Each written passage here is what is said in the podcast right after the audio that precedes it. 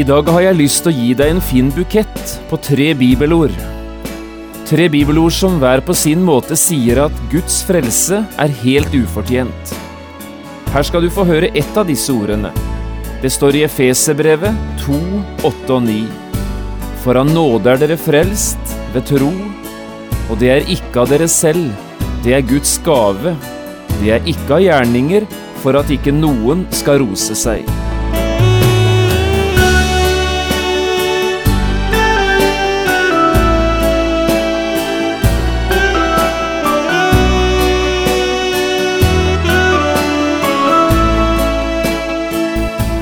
Hjertelig velkommen til et nytt program i serien Vindu mot livet. Programmet er produsert av Kristen Riksradio og blir ledet av Jon Hardang. Kristen Riksradio drives av frivillige gaver. Vi er glade for din støtte.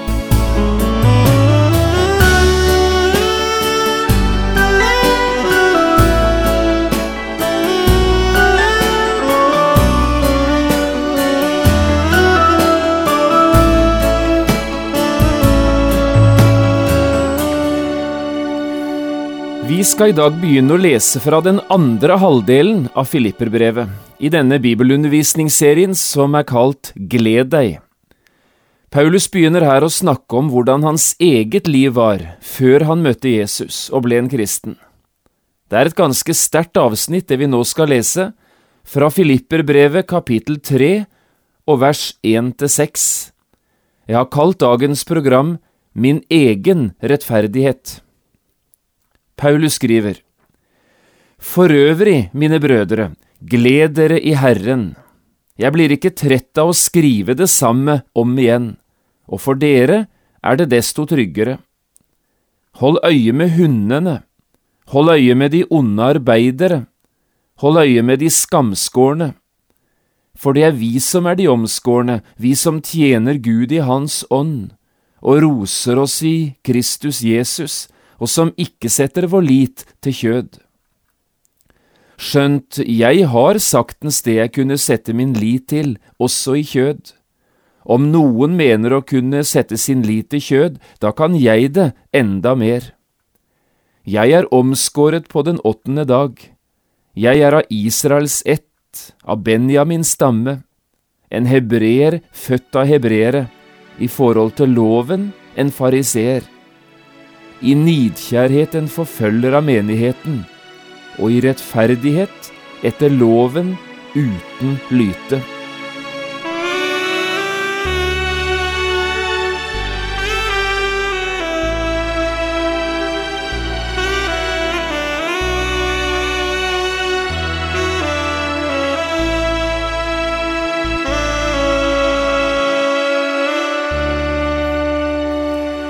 Hvordan blir et menneske frelst?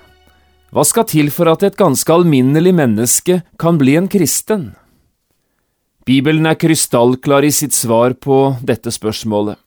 Det skjer av nåde, ved tro på Jesus og helt uten gjerninger, og dermed uten at noen kan gjøre seg fortjent til det. Det er ikke mange ting som er så på kollisjonskurs med det naturlige menneskets tankegang som nettopp dette. Nådens evangelium går helt på tvers av det vi ellers skulle ha ventet oss. Jeg har nå til å begynne med lyst til å gi deg en liten bukett på tre bibelord. Tre flotte bibelord som hver på sin måte understreker for oss at Guds frelse er helt ufortjent. Den er av bare nåde. Først Efeserbrevet kapittel 2 vers 8 og 9. For av nåde er dere frelst, ved tro, og dette er ikke av dere selv, det er Guds gave. Det er ikke av gjerninger, for at ikke noen skal rose seg. Og så i Romerbrevet kapittel fire og vers fem, der skriver Paulus, Den derimot som ikke har gjerninger, men tror på Ham som rettferdiggjør den ugudelige, han får sin tro tilregnet som rettferdighet. Også fra Titus brev i kapittel 3, vers 4 og 5. Men da Guds, vår Frelsers godhet og kjærlighet til menneskene ble åpenbart, frelste han oss, ikke på grunn av rettferdige gjerninger som vi hadde gjort, men etter sin miskunn. Klarere kan det vel ikke sies. Når Gud frelser et menneske, gjør han det helt uavhengig av våre mer eller mindre gode gjerninger.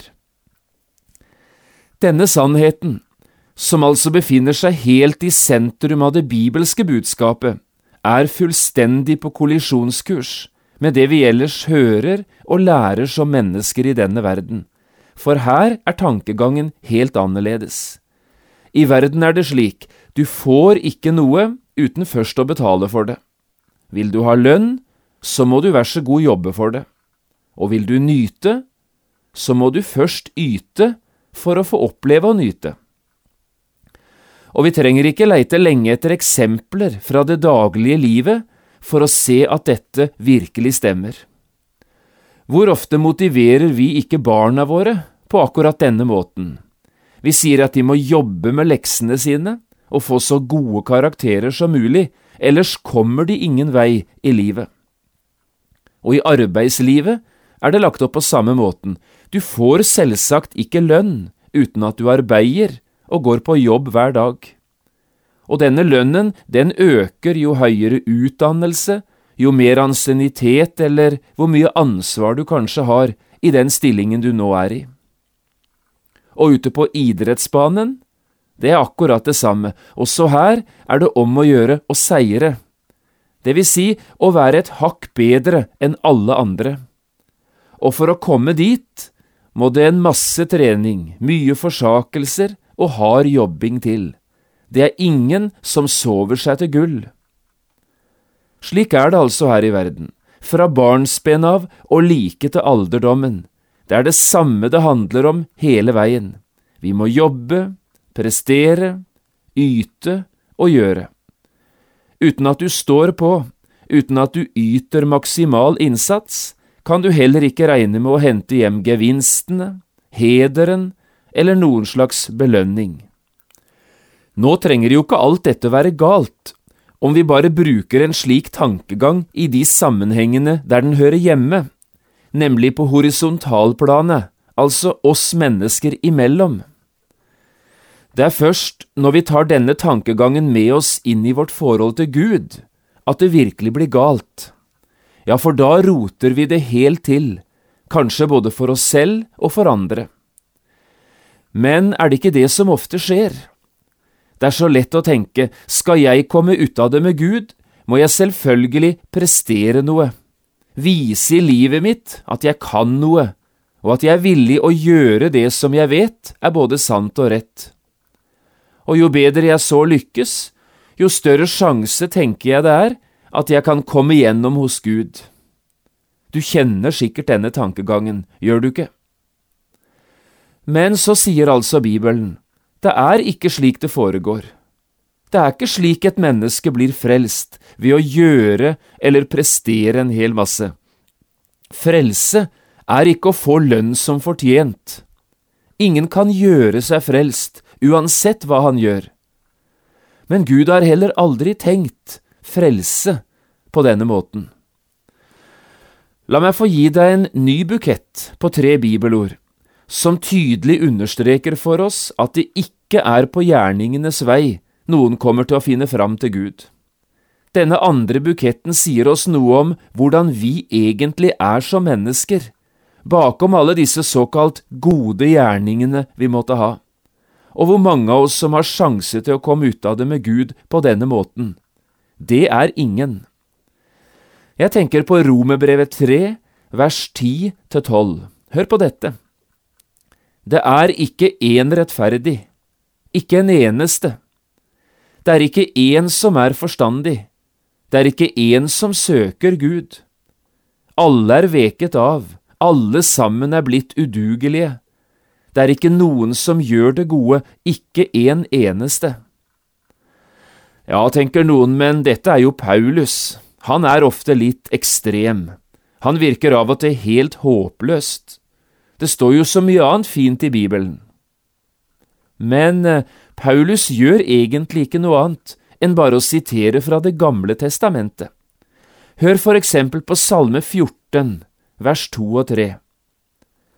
Herren skuer ned fra himmelen på menneskenes barn, for å se om det er noen forstandig, noen som søker Gud.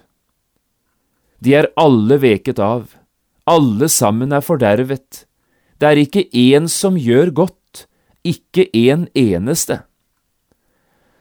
Ja, det er ganske sterke ord, det også, er det ikke?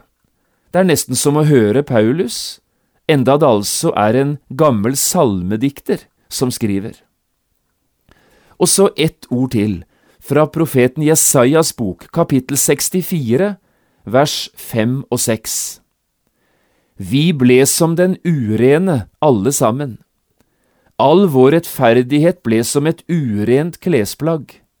Som løvet visnet vi alle sammen, og som vinden førte våre misgjerninger oss bort.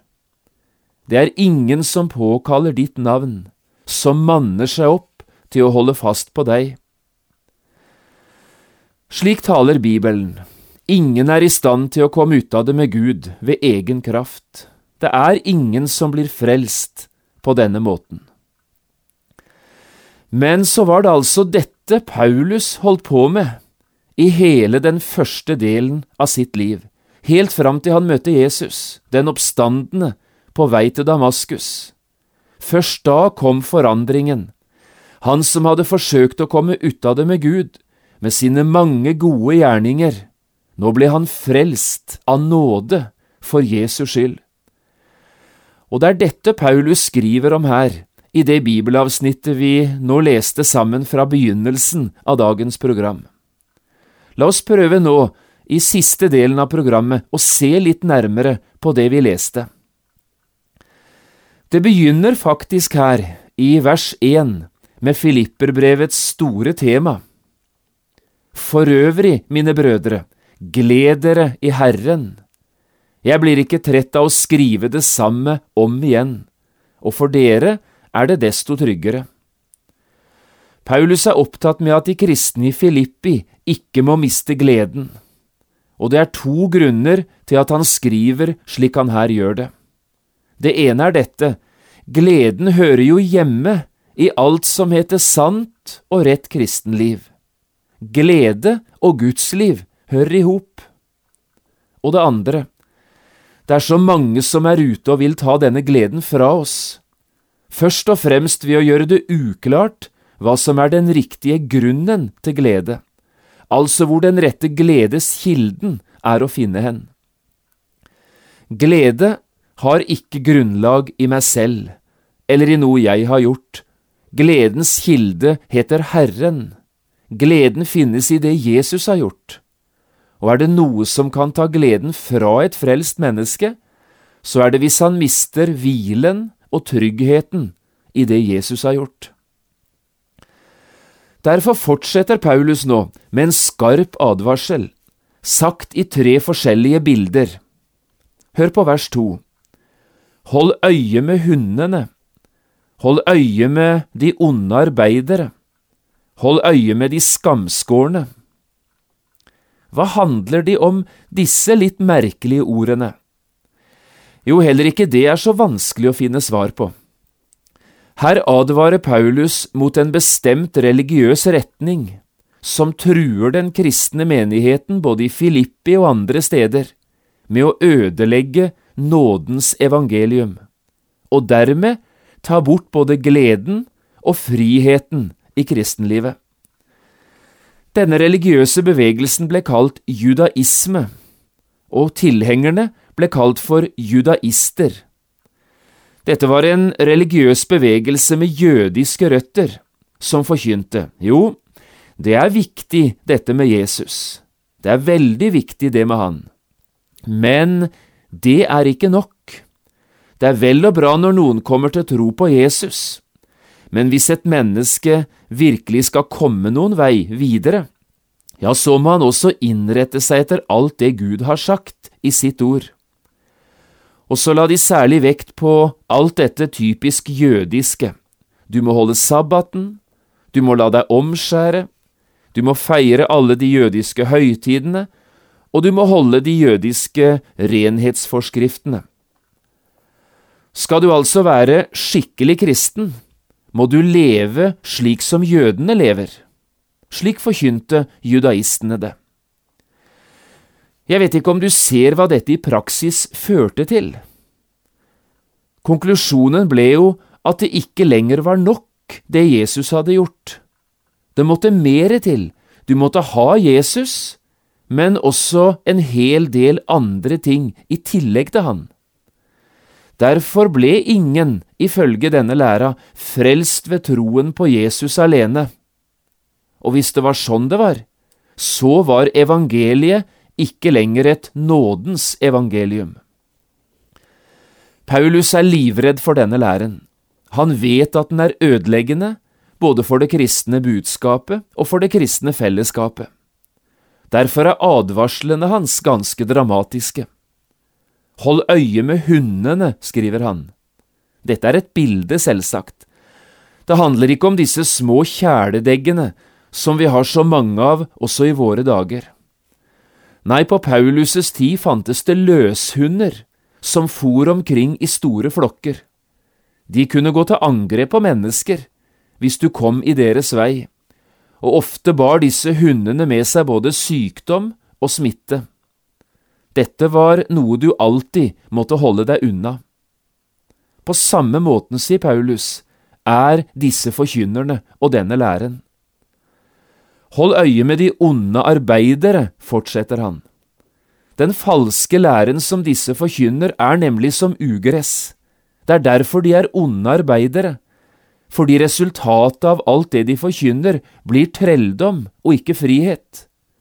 Resultatet blir fortvilelse, i stedet for velsignelse og glede. Hold øye med de skamskårne, sier han også. Også det er et ganske dramatisk uttrykk. Omskjærelse var et ytre fysisk tegn som fortalte en jøde at han nå virkelig hørte til i den jødiske menighet. På samme måten laget judaistene til en masse ytre ting som du måtte gjøre eller ikke gjøre og hvis du så hadde alt dette i orden, ja, så var det et bevis på at du var frelst. Nei, sier Paulus, det er ikke disse som forkynner sannheten, det er ikke slik det er. Det er vi som forkynner sannheten, vi som forkynner frelsen av nåde, alene for Jesus skyld. Det er derfor Paulus sier det i vers tre. Det er vi som er de omskårne, vi som tjener Gud i Hans ånd, og roser oss i Kristus Jesus, og som ikke setter vår lit til kjød. Ingen kan gjøre seg frelst, men det går an å høre seg frelst. Og så går Paulus inn i siste delen av dette avsnittet på sitt eget liv, slik han både tenkte og levde før han møtte Jesus. La oss nå høre om igjen det Paulus her sier. For denne Paulus han var ingen hvem som helst i det vi her snakker om. Hvis det var noen som hadde noe de kunne sette lit til, i seg selv, ja, så var det Paulus. Hør vers fire. Skjønt jeg har saktens det jeg kunne sette min lit til, også i kjød. Om noen annen mener å kunne sette sin lit til kjød, da kan jeg det enda mer. Paulus hadde brukt hele sitt liv på å prøve å oppfylle alle Guds bud og krav, og han hadde nådd lenger enn de fleste i sin generasjon. Men, sier han, heller ikke jeg nådde fram på denne veien, og når ikke han nådde fram, så når ingen fram. Det kan vi iallfall være sikre på. I disse tre siste versene i bibelavsnittet vårt løfter Paulus fram sju forskjellige ting som han kunne rost seg av om det hadde vært det det var spørsmål om. Sju forskjellige ting som forteller om alle de fortrinn han hadde, og hvor langt han var kommet på gjerningenes vei. La oss ganske enkelt sitere det Paulus her sier. Jeg er omskåret på den åttende dag. Paulus bar på sin egen kropp et merke som viste at han tilhørte Guds utvalgte folk. Jeg er av Israels ett, sier han, han tilhørte det folket som Gud hadde inngått sine pakter med, og hadde del i Guds mange og store løfter. Jeg er av Benjamins stamme, fortsetter han. Paulus tilhørte den etten som Saul, Israels første konge, var kommet fra. Denne fornemme ætten som alltid gikk foran når hæren skulle ut i krig. Jeg er en hebreer, født av hebreere, sier han som det fjerde. Paulus var født innenfor landets grenser. Han snakket selv det hebraiske språket. Han var ingen diasporajøde, født langt der ute i utlendighet. I forhold til loven, sier han, er jeg en fariseer. Paulus var altså ikke bare en alminnelig jøde. Han hørte til dem som tok det aller mest alvorlig i sitt hverdagsliv med dette å gjøre Guds vilje. I nidkjærhet en forfølger av menigheten, sier han så. Paulus hadde gått lenger enn alle sine landsmenn. Hvem hadde vist slik iver i å utrydde Jesu-navnet og Jesusfolket fra Israel som det han hadde gjort? Og så avslutter Paulus denne lista slik, i rettferdighet etter loven uten lyte. Dermed er konklusjonen klar. Paulus var et menneske som til punkt og prikke hadde vist at han tok Guds ord på alvor i sitt liv. Men, sier Paulus, heller ikke dette var nok. En dag raste det sammen for han. Det som hadde vært en vinning, ble tap, og det han tidligere hadde betraktet som en rikdom, det måtte han nå kalle for skrot og skrap. Denne forandringen kom da Paulus selv ganske personlig fikk møte Jesus, den levende og oppstandende Jesus. Da ble frelsesveien en helt annen for Paulus enn den før hadde vært, og livet totalt forandret. Dette skal vi snakke mer om i det neste programmet. I 1776 skrev den engelske sangforfatteren August Toplady en sang som siden har vært sunget over hele verden. Klippe, du som brast for meg. I det andre verset i denne sangen lyder det så fint, det vi nå har snakket sammen om. Kanskje du og jeg skulle gjøre disse ordene til vårt hjertes bønn nå i dag, etter det vi her har hørt. Med min egen møye jeg, ei din lov oppfyller nei. Ble min iver aldri matt, gråt jeg både dag og natt. Syndens flekker er dog der, kun i deg min frelse er. Den som synger slik, av et ærlig hjerte, han er frelst. Da er det ikke lenger min egen rettferdighet det er snakk om. Da er det bare Guds ufattelige nåde.